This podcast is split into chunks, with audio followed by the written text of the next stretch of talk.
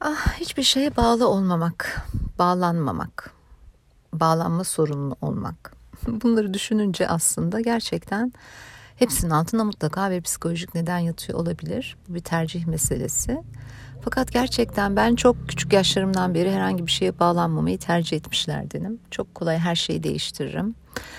Ee, şimdi de işte bilmiyorum kaçıncı ev satıldı, kaçıncı yere geçiyorum. Mutlaka bunun arkasında bir şey vardır. Hatta bir arkadaşım bir kitap tavsiye etti. Ben de onu görme engelleri okudum. Okurken de çok faydalandım. Fakat bugün İstanbul'da çok severek kaldığım bir evime veda ettim.